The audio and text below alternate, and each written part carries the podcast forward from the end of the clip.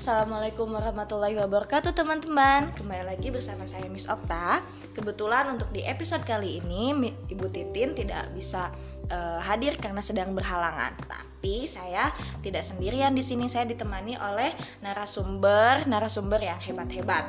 Nah untuk pendengar setia cerita guru jangan lupa uh, dengarkan di episode pertama untuk yang belum ya ini untuk yang belum boleh didengarkan di podcast episode pertama yaitu kita membahas tentang alasan kenapa podcast cerita guru ini dibuat dan alasan kenapa kita mau jadi guru Oke nih langsung saja kita mau perkenalan ke narasumber-narasumber hebat yang ada di sini. Tapi sebelumnya boleh dong nih saya hai dulu nih Miss Miss semua untuk halo.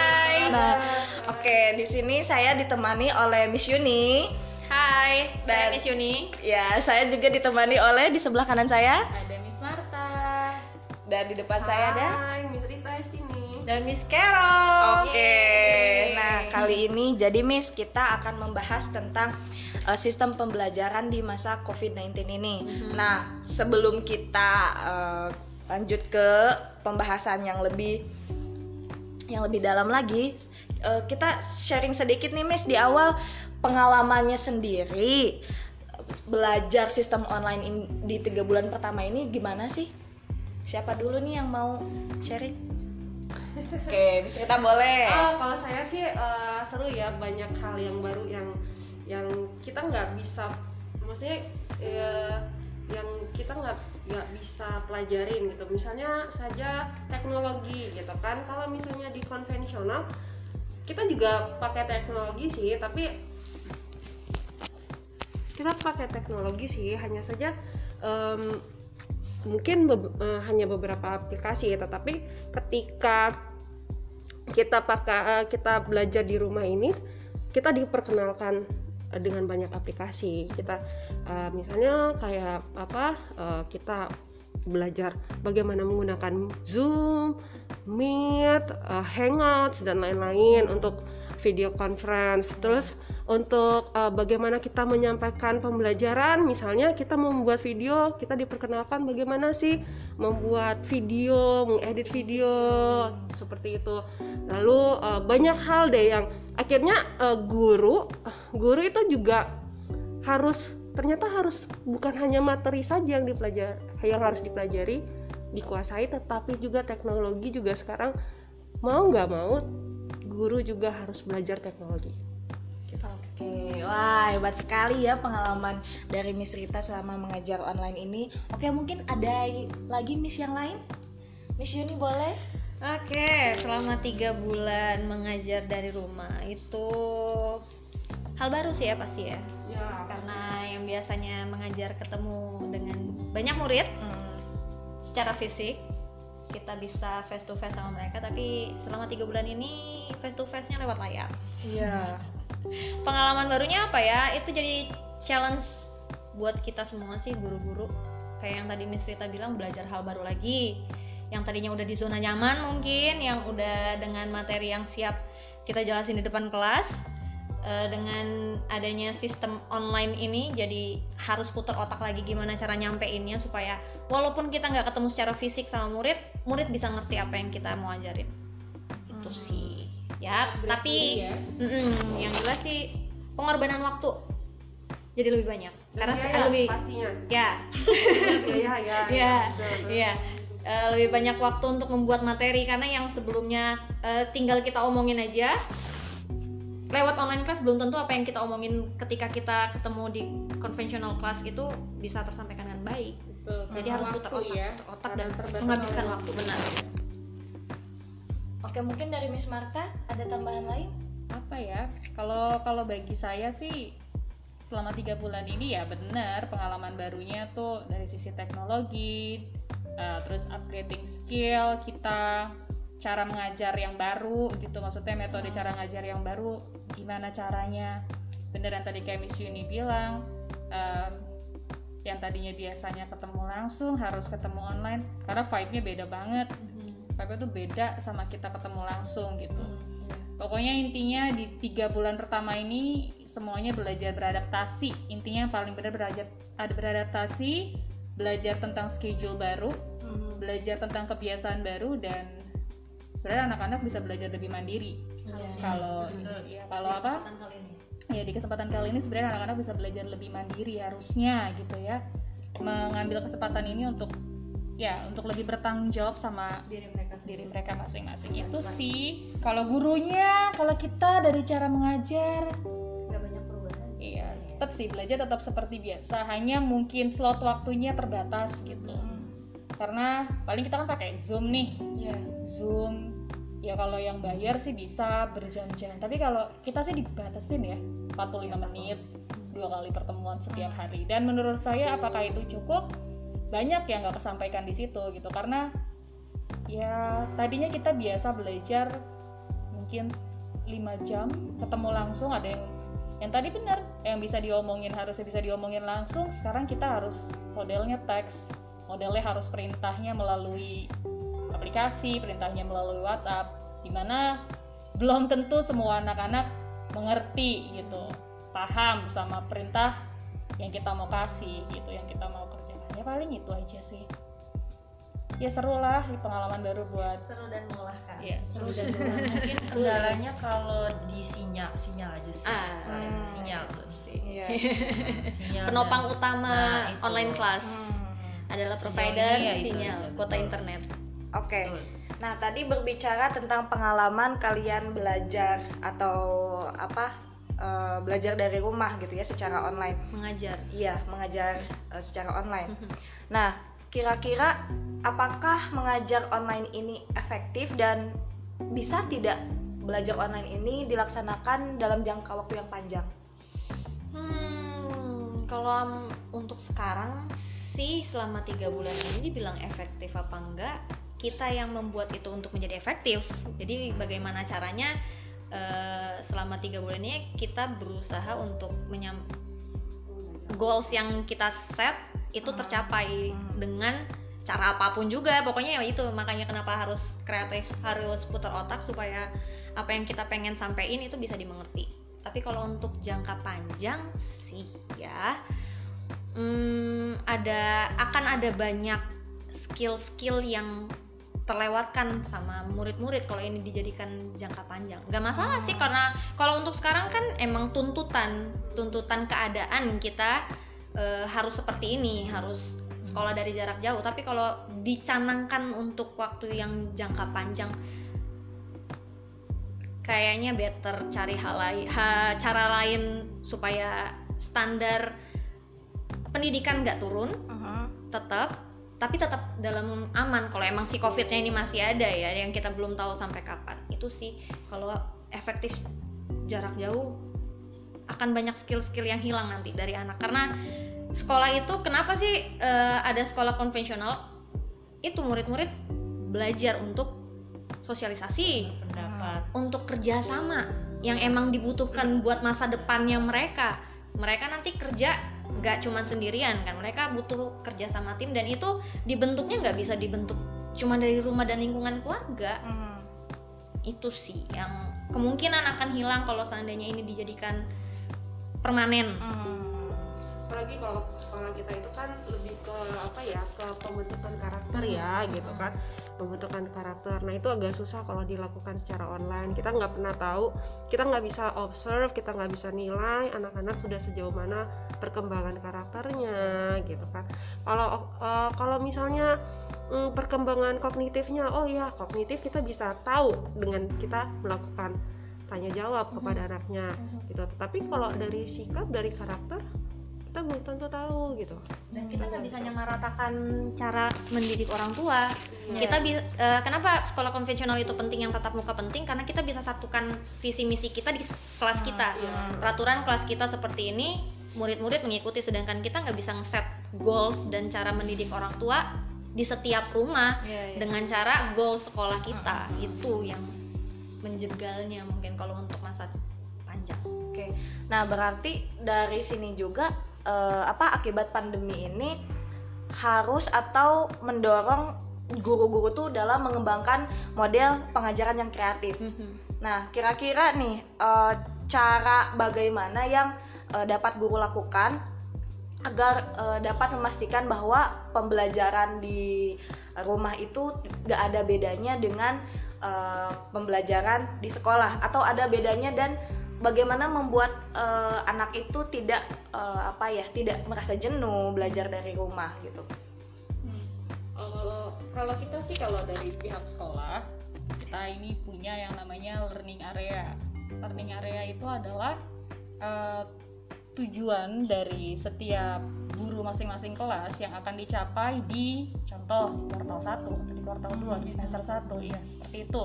Jadi setiap guru sudah tahu apa yang akan mereka pelajari karena itu penting gitu penting banget gitu jangan mentang-mentang kita di rumah kita nggak asal asal aja gitu ngirim-ngirim tugas yang sebenarnya nggak bermakna buat hmm. anak gitu hmm, okay. jadi memang gurunya tuh harus bener-bener pikirin gitu bener-bener uh, walaupun ini dari rumah gitu sekarang kan banyak sekali tuh aplikasi yang uh, sumber-sumber yang bisa langsung kita copy segala macam hmm. tapi yang paling penting itu adalah uh, tujuan learning area apa yang kita mau pelajari gitu loh. Jadi fokus gitu.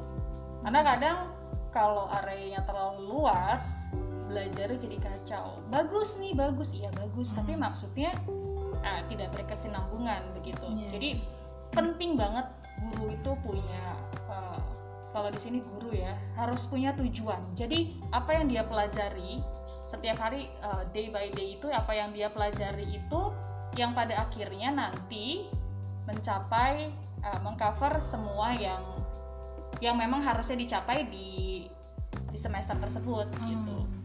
Jadi ya ya benar guru harus kreatif memang harus. Karena pada dasarnya sih bukan pada saat seperti ini aja ya kita harus kreatif. Di sebelum sebelumnya memang setiap guru harus tetap jadi kreatif gitu. Cuman sekarang di sini sebenarnya sih lebih bagaimana cara mengkomunikasikannya sama murid-murid supaya uh, pembelajaran yang kita lakukan sekarang ini dimengerti. Hmm. sama punya persepsi yang sama tentang uh, tentang tugas tersebut gitu.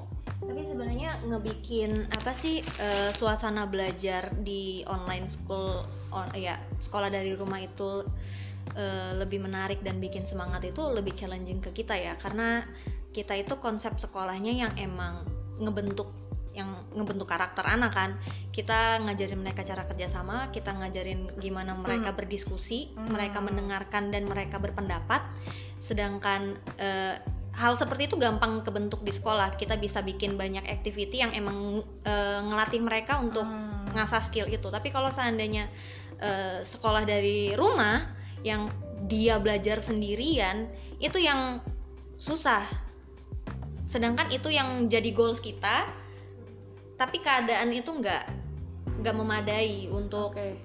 kita ngasah ngasah skill itu nah itu yang hmm. yang harus kita akalin supaya ini skill bisa tetap terasah dengan cara yang berbeda hmm. dengan kondisi yang berbeda itu sih yang bisa tambah gini kali ya kalau dari segi uh, berkolaborasi sebenarnya kolaborasi bisa sih dilakukan di mana aja contoh kita bisa pakai media berkolaborasi contohnya ya misalkan dibikin grup hmm. tiga gitu kelas satu orang tiga tiga kamu bikin ya diskusi bertiga lewat WhatsApp gitu. atau lewat okay. Zoom gitu.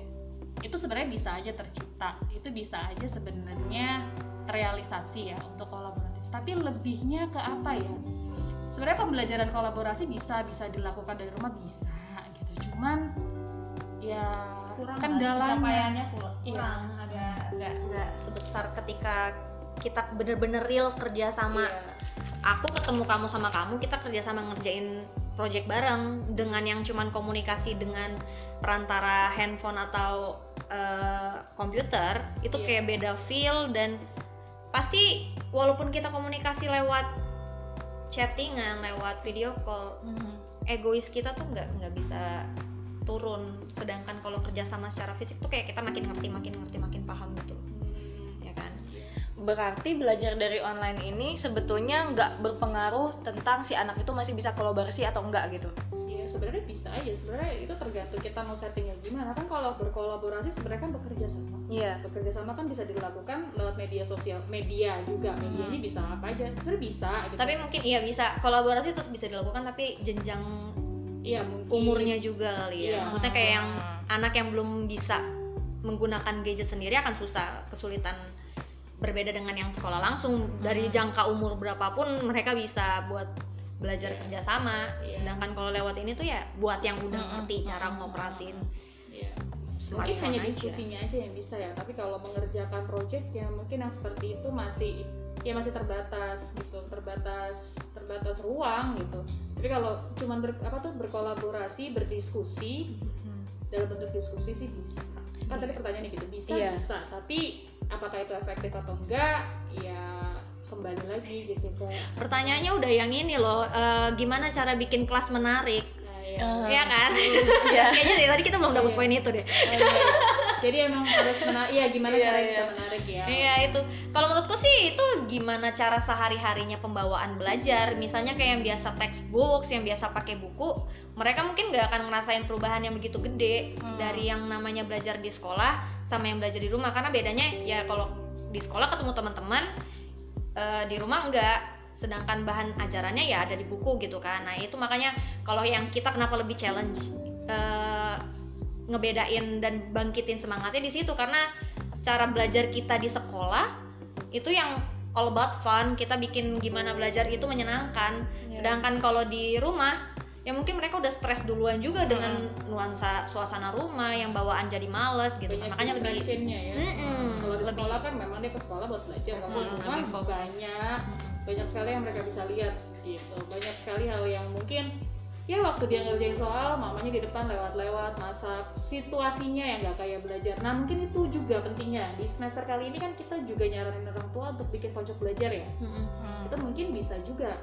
uh, Cari- membantu anak-anak untuk ini ya fokus. untuk lebih fokus gitu pojok belajar di mana anak-anak punya meja kerjanya sendiri punya apalagi uh, ya punya ruangan ya orang tua sih di sini orang tua peran orang tua dan anak berdiskusi uh, pojok belajar yang seperti apa gitu yang cocok buat mereka gitu jadi memang karena untuk sekarang ini kan kita belum tahu nih sampai kapan Iya. Masih lama nih kelihatannya ya gitu ya. Kalau dari pemerintah kayak nggak satu satu dua bulan gitu yang bakal pasti aja sampai Desember kan? Iya maksudnya Hmm. masih ini berarti satu semester gitu satu semester ke depan. Ya berarti sekarang kita harus sama-sama gimana caranya ya udah gitu. Bangun eh, situasi sekolah tapi di rumah. Gimana caranya? Ya itu. Kadang kan soalnya anak-anak bisa aja cuma sambil tidur tiduran Iya. banyak kok yang begitu banyak Iya, banyak banyak banget pengalaman tiga bulan kemarin mengajarkan banyak hal dan dan dan di tahun ajaran ini ya itu yang berusaha kita perbaikin nggak disiplin aja kayaknya Iya, jadi kurang. eh, ya, Iya, kelengahan kita Iya. di awal kita nggak ngebangun suasana belajar itu, jadi murid-muridnya juga karena kayak sama-sama kaget lah Iya. ya sama iya benar. Pengalaman pertama semua. Oke, nah berarti sebetulnya tetap balik lagi nih ya masih bisa dilaksanakan cuma mungkin eh, apa ya masih ada eh, tetap implementasinya itu memang masih bisa dilakukan tapi mungkin ada perbedaan eh, baik itu untuk belajar online maupun secara konvensional tatap muka bersama murid.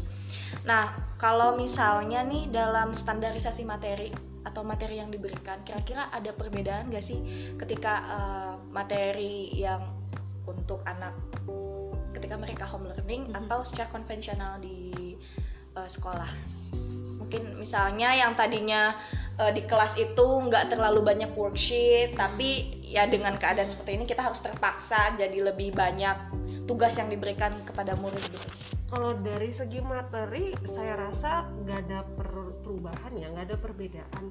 Gitu. Hanya saja mungkin uh, lebih tingkat kesulitannya yang yang kita harus perhatikan gitu. Uh, ya tugas yang kita mau berikan kepada anak-anak tuh tingkat kesulitannya itu seperti apa. Tuh, jadi kalau materi sih sama aja sih menurut saya. Cuman Oh, dari mungkin saya. ininya doang sih materinya pasti nggak akan berubah ya. Mungkin kita nggak nggak nurunin standar hanya karena belajar dari rumah terus kita jadi nggak eh, apa belajar yang susah-susah nyari gampangnya aja nggak.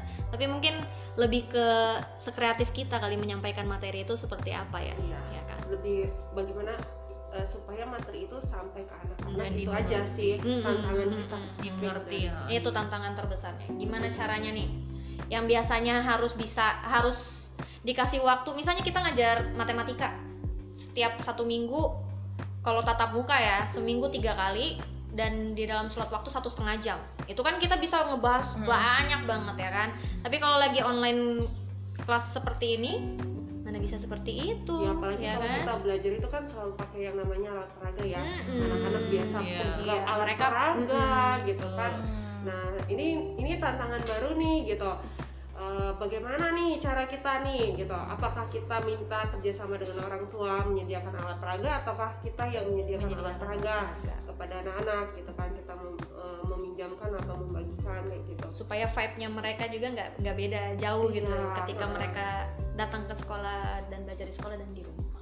Itu sih Oke, nah em, yang eh, kita tahu, yang kita sudah tahu juga kan waktu itu pernah kan ada konferensi eh, apa dari menteri, Bunda. menteri pendidikan, Empat menteri. ya empat menteri ya.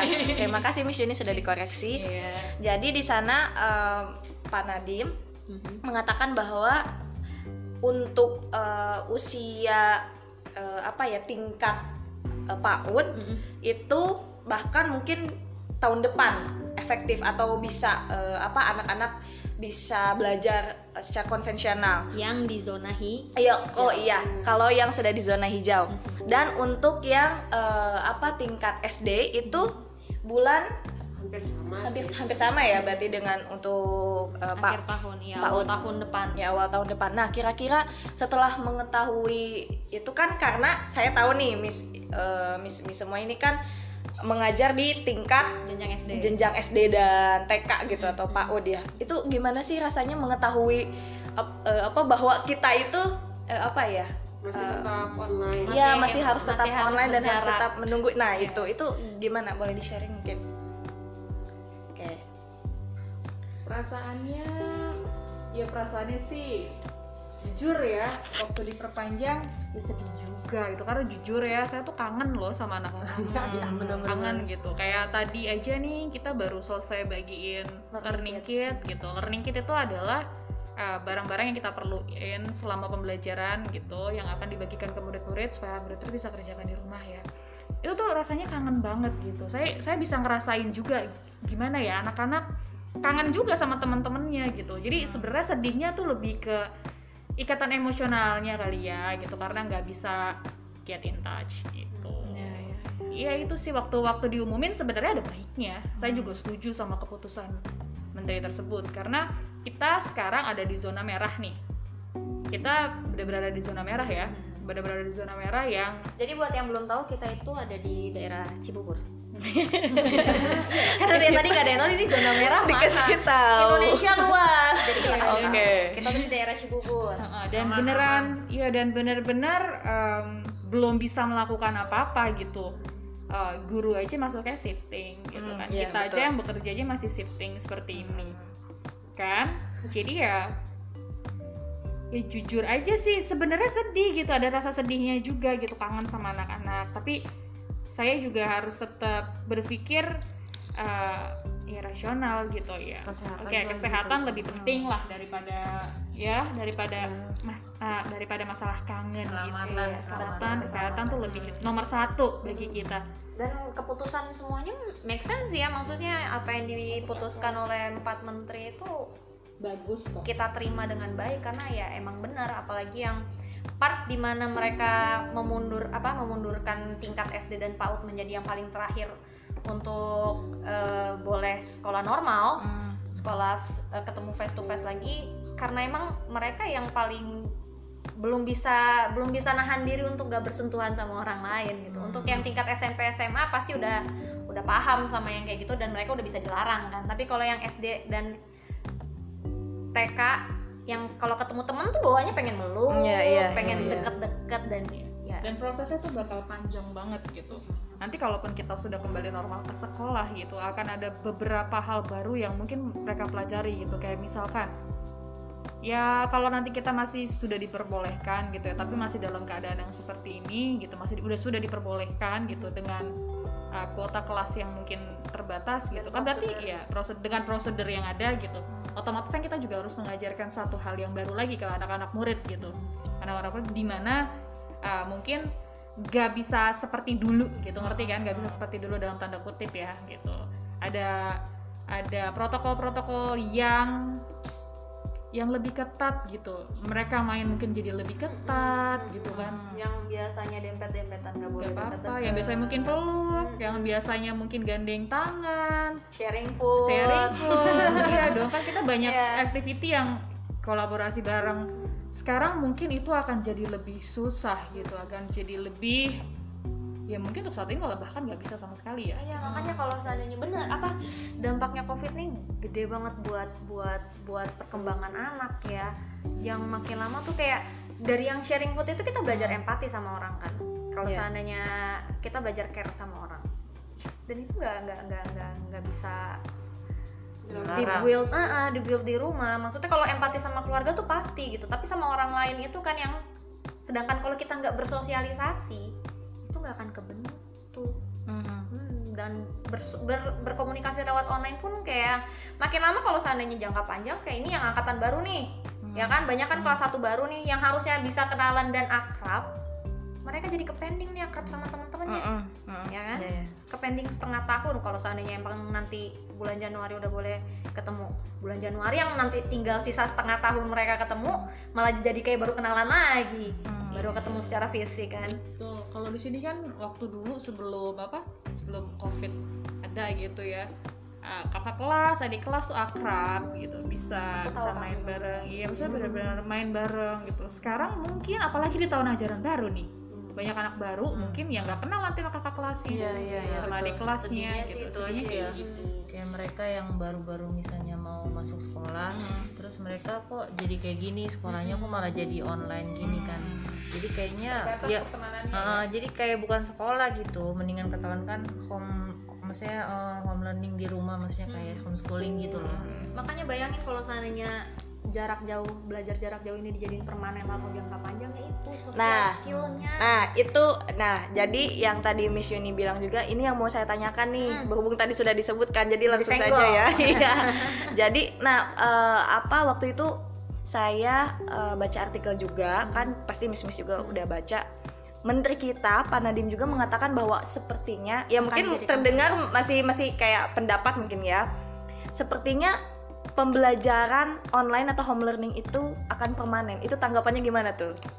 itu sih menurut aku harus dikaji lebih ya Iya. maksudnya nggak bisa langsung seperti itu karena untuk shifting kita untuk shifting uh, dari sekolah biasa ke online itu aja ini jujur ini ini berat gitu ya Uh, saya rasa sih harus perlu di ini lagi maksudnya harus perlu dikaji lagi untuk masalah sekolah dari rumah bisa bisa. Ada homeschooling ada kok gitu. Ada homeschooling banyak anak homeschooling yang berhasil gitu banyak Hmm. tapi eh, mungkin untuk keputusan seperti itu ya perlu dikaji karena saya sih berharapnya gitu ya tahun depan kita udah ketemu nih vaksinnya segala macam. Iya. jadi, amin amin amin. Amin jadi maksudnya kita sih eh, maksudnya optimisnya gitu optimisnya pengennya sih nggak kayak gitu gitu. Karena ya yang tadi kita yang kayak tadi kita bilang akan ada banyak hal yang hilang contohnya kemampuan bersosialisasi sama orang kemampuan untuk berani tim. iya maksudnya untuk di maksudnya untuk ketemu sama orang iya maksudnya kayak itu tuh wah banyak banyak banget hal-hal yang mungkin tidak mm, tidak bisa mereka pelajari pelajari di rumah selama pandemi ini Iya. karena mereka juga nggak bisa main di rumah Hmm. Iya, iya. karena kalau seandainya ini dijadikan permanen kayaknya tugas tugasnya banyak banyak banget yang harus dirubah gitu. Set goalsnya mau seperti apa kalau seandainya dijadiin permanen? Kita bakal menciptakan generasi anak-anak yang kayak gimana sih kalau seandainya sekolah dari jarak jauh itu tercipta permanen? Otomatis akan ada perubahan ritme manusia dewasa iya. yang nantinya akan tercipta dari generasi yang sekarang dididik kan?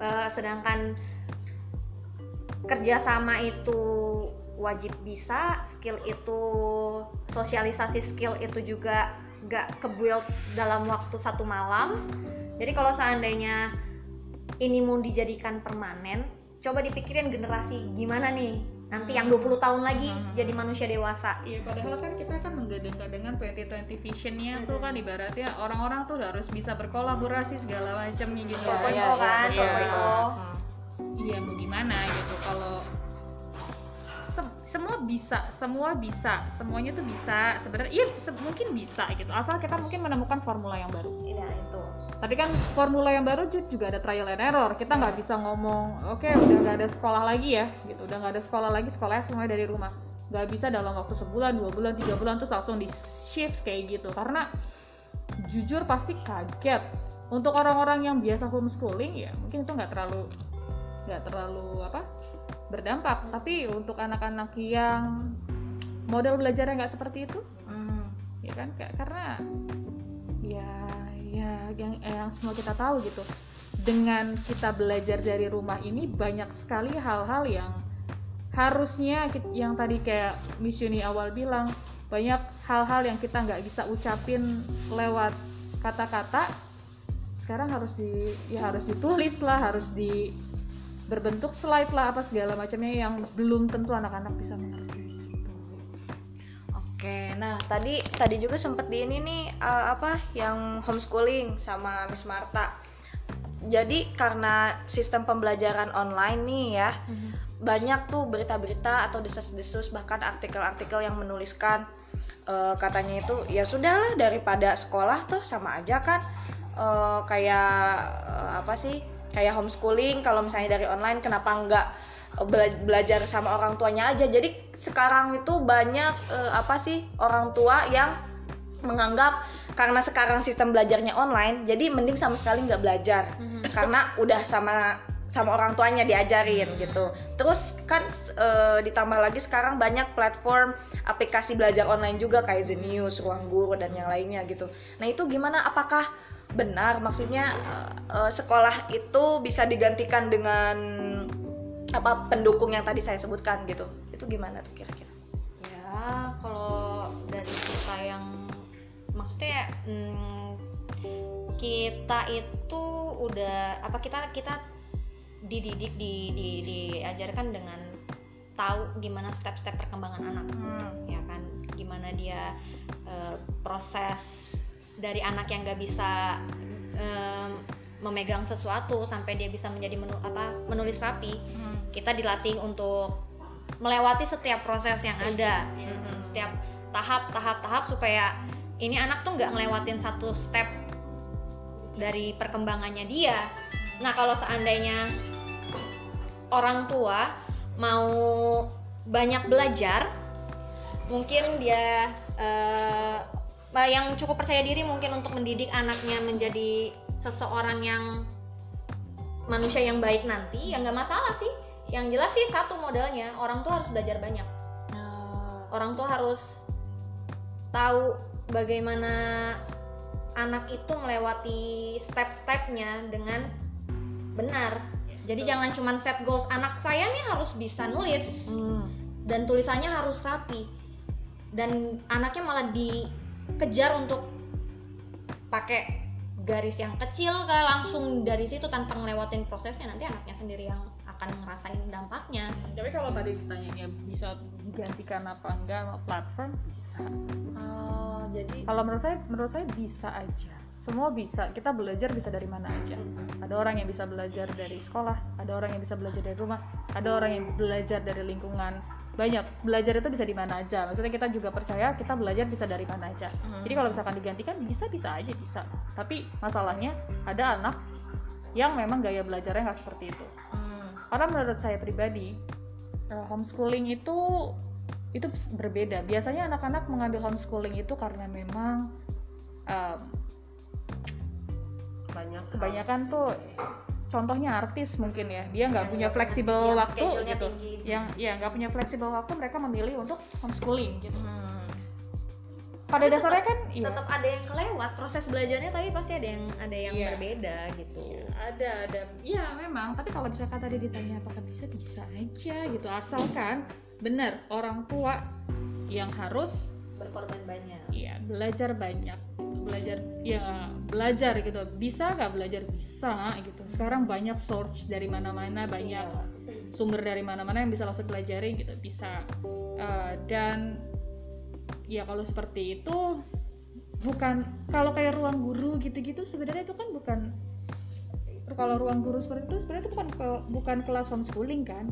Kalau misalkan mau homeschooling ya berarti kalian harus daftar gitu. Nanti mungkin mereka akan dapat guide guidance-nya gitu. Karena harus tetap ada guidance apa ya ada guidance belajarnya gitu. Orang tua tuh ya bisa aja karena yang tadi saya sudah bilang kita bisa aja itu nemuin ke sumber belajar sih menurut Iya, saya kalau Sumber sumber belajar bisa dari mana aja sebenarnya Iya, cuman kalau seandainya menggantikan menggantikan sekolah Sekolah konvensional itu- kita nggak tahu ke depannya seperti apa Hmm. kalau seandainya ini akan jadi permanen mungkin akan ada banyak inovasi-inovasi Baru. tentang sekolah Mm-mm. yang kita juga pasti akan ngikutin ke arah sana karena we have to deal with it kan kita Mm-mm. harus berbaur sama keadaan yang seperti ini jadi yang kemungkinan besar berubah karena covid ini kalau seandainya emang dalam jangka waktu panjang ya bisa jadi. Bisa aja. Iya betul. Betul kan kita harus mengikuti perkembangan zaman gitu. Hmm. Ya, kita juga nggak bisa bilang sekolah yang ke sekolah. Maksudnya sekolah yang datang ke sekolah itu lebih, gimana? Lagi ya, atau tadi- anaknya iya. lebih baik juga Iya. enggak. Ya nggak seperti itu juga. Cuman memang yang namanya homeschooling itu kan pasti terbatas yang namanya sosialisasi hanya satu sosialisasi Sosialisasi. gitu sosialisasi antara sosial skill dan anak-anak itu penting social skills itu penting sekali gitu. Kebayang nggak sih kalau misalkan mereka lulus gitu? Mereka nggak pernah ketemu orang mereka cuma belajar ketemu teman hanya lewat chatting ketemu teman hanya lewat pas ketemu manusia langsung harus kayak gimana? Iya, Iya, iya, iya. mereka nggak tahu. Mereka nggak tahu harus bagaimana gitu. Mungkin itu sih mungkin itu yang akan gimana Ah, kan berempati ada yang- sama iya. orang itu kan emang yang harus ketemu langsung nggak cuman yang baca dari internet nggak bikin empati kita muncul Mhm. ya kan Mhm, kalau seandainya nggak dasarnya dikenalin apa itu empati ngerasain apa itu empati apa itu care Mhm. nggak akan terbentuk dengan sendirinya betul. makanya kalau seandainya mau homeschooling ya boleh asal orang tuanya juga siap untuk menambahkan skill-skill lain yang di homeschool itu mungkin nggak nggak diajarin Hmm. Oke, nah ini semakin menarik aja ya, tapi karena waktu kita terbatas nih, mungkin ini eh, pertanyaan terakhir. Jadi karena eh, kita tahu kalau misalnya Jakarta itu salah satu tempat yang terkena eh, apa Dampak penyebaran dampak penyebaran terbesar, gitu, zona merah gitu. Nah, Kedua. ya kedua. Nah dari sana eh, apa muncul indikasi naiknya angka putus sekolah di berbagai tempat. Salah Hmm. satunya juga di Jakarta. Mhm.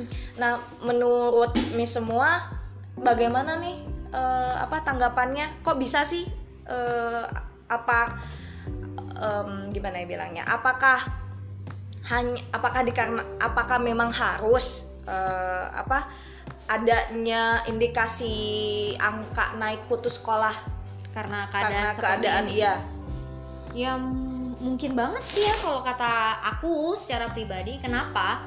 Karena penyebaran dan kemampuan murid untuk eh, dengan lewat gadget atau kuota ini tuh terbatas gitu. Hmm. kecuali kecuali mungkin solusinya pemerintah menggratiskan internet. Ah memang itu nggak gratis ya? Enggak kan kita sekarang akses internet masih bayar ya kan? Kita bayar Ah, sendiri. berarti itu kebijakan sekolah masing-masing? Nggak kebijakan sekolah sih kalau mau emang pemerintah mencanangkan masa panjang Hmm. ya mungkin eh, ke depannya penyebaran kayak wifi gratis lebih disebarkan. Ah, oke oke. Kalau ingin menahan angka putus sekolah karena mau nggak Ah. mau kan mereka masih itu penunjang utama belajar sekarang tuh itu. Iya, iya. kuota internet dan Gadget. gadget, Oke, tapi kalau dis- disebutkan apa penggratisan Wah, untuk internet. internet. gitu ya, b- ini jadi ke- keinget juga nih bagaimana dengan yang di pedesaan?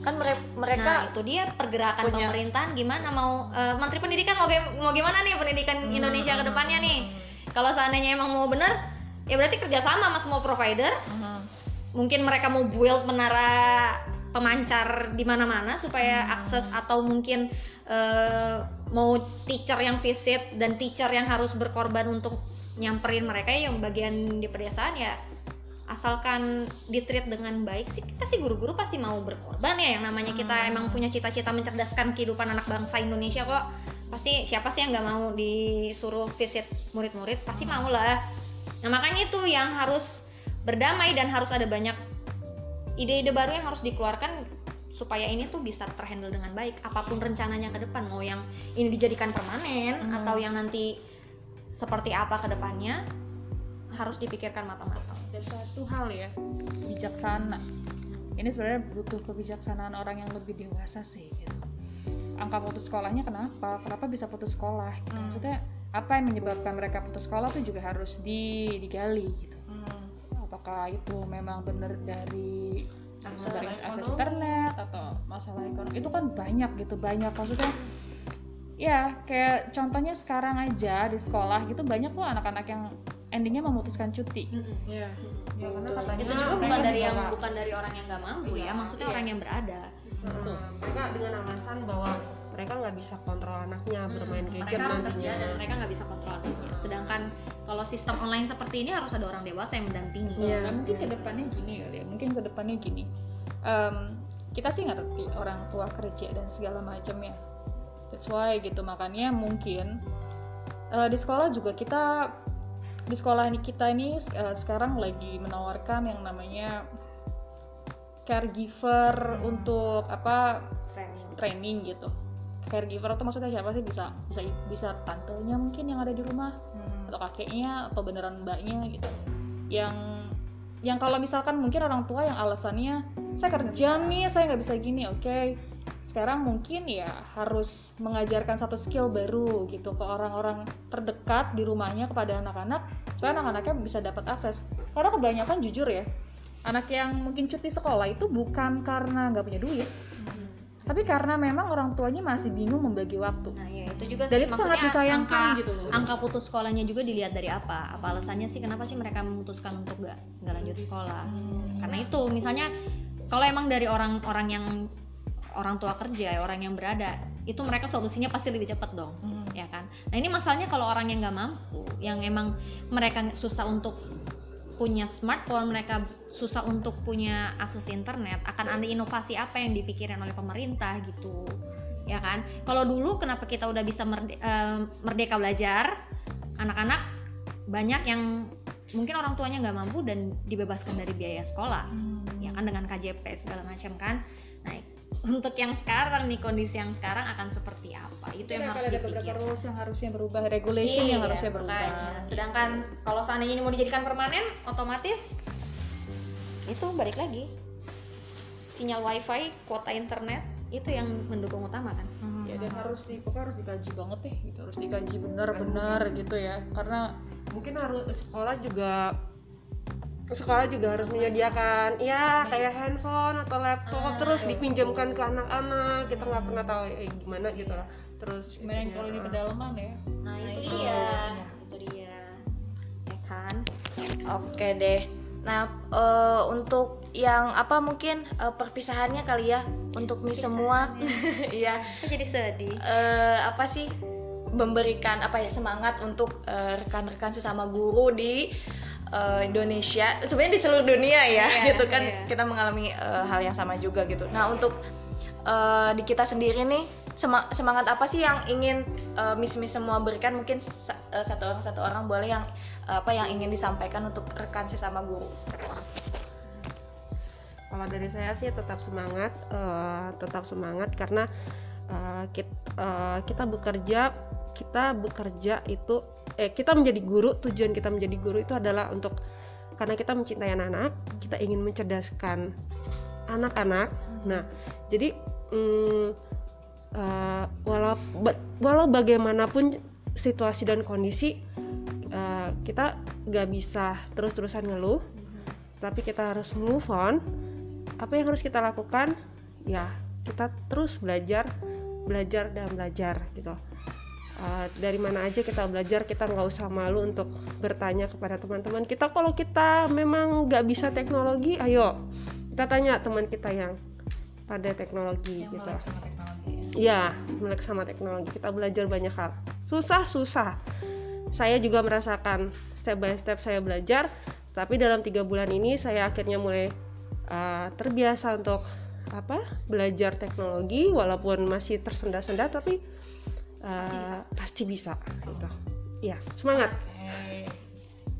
Ya pokoknya benar yang dibilang sama Miss Rita tadi. Intinya ingat lagi awal-awal kita mau menjadi guru seperti apa. Eh, Tujuan utama kita menjadi seorang guru ya harus ya harus diingat-ingat lagi gitu. Karena dalam kondisi apa pun gitu tanpa terkecuali gitu. Tanpa terkecuali dalam ya dalam keadaan suka maupun duka ingat gitu. Eh, yang tadi kayak mencerdaskan kehidupan bangsa gitu ya. Tujuannya kan seperti itu. Jadi ya tetap semangat gitu tetap semangat aja. Kita semuanya sama-sama merasakan hal yang sama. Terus mungkin lebih banyak berkomunikasi ya. Melakukan komunikasi dengan dan belajar belajar dari webinar-webinar mungkin gitu ya. sekarang banyak banget. Banyak banget webinar-webinar gratis kan ya. Pokoknya jangan males intinya. Dan bersyukur ya. Bersyukur. Secara- kalau dulu tuh kita pelatihan itu ini ya harus bayar Bayar. Sekarang gratis ya. uh sekarang gratis. gampang diakses cuman butuh internet aja. Ya Oke, kalau dari aku eh, buat semua guru-guru di seluruh dunia, terutama di Indonesia, mari kita pertama mengucap syukur ya, karena kita nggak bisa ngerasain mengajar di kondisi yang iya, yang berbeda dari sebelum-sebelumnya. kondisi yang mungkin gak ada di 20 tahun Iya, yang 20 tahun Iya, belum iya. ya belum tentu. Nah, kita ini guru-guru TAF yang diberikan kesempatan untuk merasakan keadaan seperti ini. Jadi itu yang patut kita syukuri. pertama Mm-mm.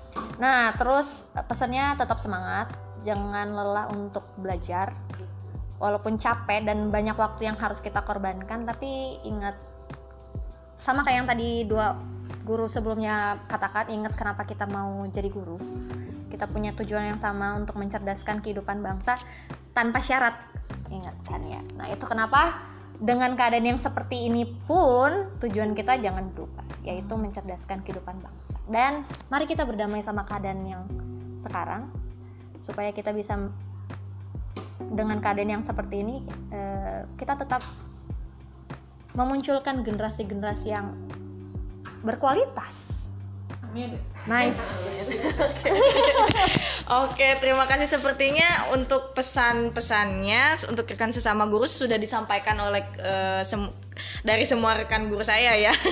Kalau dari saya sih yang pastinya iya, tetap semangat untuk kalian semua. Kalau misalnya dibilang perlu berad- beradap- beradaptasi, kita pasti bisa beradaptasi dan mulai terbiasa.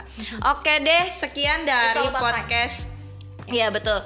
Sekian dari podcast episode kedua ini tentang eh, apa pembelajaran online di saat pandemi COVID-19. Eh, jangan lupa untuk teman-teman kalau misalnya mau tahu updatean tentang podcast Cerita Guru bisa di follow Instagram kita di Cerita Guru U-nya 2. Atau misalnya ada rekan-rekan guru ingin berbagi pengalamannya tentang mengajar bisa dikirimkan ceritanya melalui email kita yaitu ditanya.ceritaguru2 at gmail.com Oke terima kasih Den Jangan kapok-kapok ya Miss Karena Ah, mungkin ya. di sesi-sesi selanjutnya kita juga akan diskusi bersama Ya. masih tentang seputar Please pendidikan kami lagi. Oke deh Oke kayak gitu teman-teman Eh, Cukup sekian episode kedua ini dari podcast Cerita Guru Sampai jumpa di podcast episode selanjutnya. Wassalamualaikum warahmatullahi wabarakatuh. Dadah.